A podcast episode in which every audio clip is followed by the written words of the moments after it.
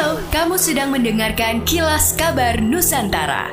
Podcast persembahan KG Radio Network menyajikan berita harian yang mengangkat keunikan dari berbagai wilayah Indonesia. Kilas Kabar Nusantara dapat juga didukung oleh pengiklan loh.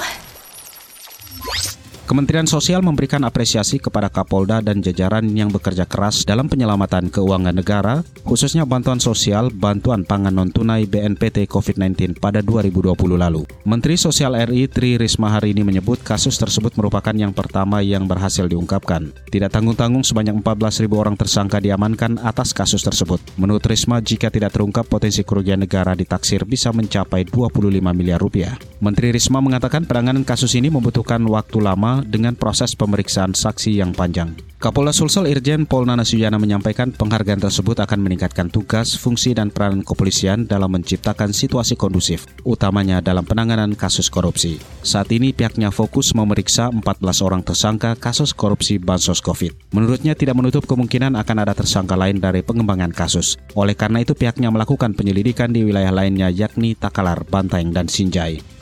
Pemkot Malang segera melakukan sosialisasi pemberlakuan satu arah di sekitar kayu tangan Heritage Kota Malang. Wacana pemberlakuan satu arah tersebut juga menuai beberapa kontroversial. Ada warga yang setuju dan ada warga yang menolak pemberlakuan satu arah ini. Wakil Wali Kota Malang, Sofyan Edi Jarwoko, juga menyatakan kontroversial tersebut merupakan hal yang wajar. Edi sendiri juga berterima kasih kepada masyarakat yang telah menyampaikan aspirasinya ke DPRD Kota Malang, di mana menurutnya penyampaian aspirasi ini merupakan bagian dari dinamika pembangunan. Edi juga yakin masyarakat akan mengetahui secara jelas kebijakan satu arah ini secara detail ketika sosialisasi nanti. Apalagi nantinya sosialisasi akan digelar dengan tatap muka. Menurutnya sendiri, sosialisasi tatap muka ini juga dapat mengurangi salah paham. Edi juga menegaskan kembali penerapan satu arah ini agar kawasan kayu tangan heritage bisa menjadi lebih baik, terutama untuk menunjang potensi pariwisata sehingga harapannya hal ini juga juga bisa menjadi solusi terbaik untuk Kota Malang.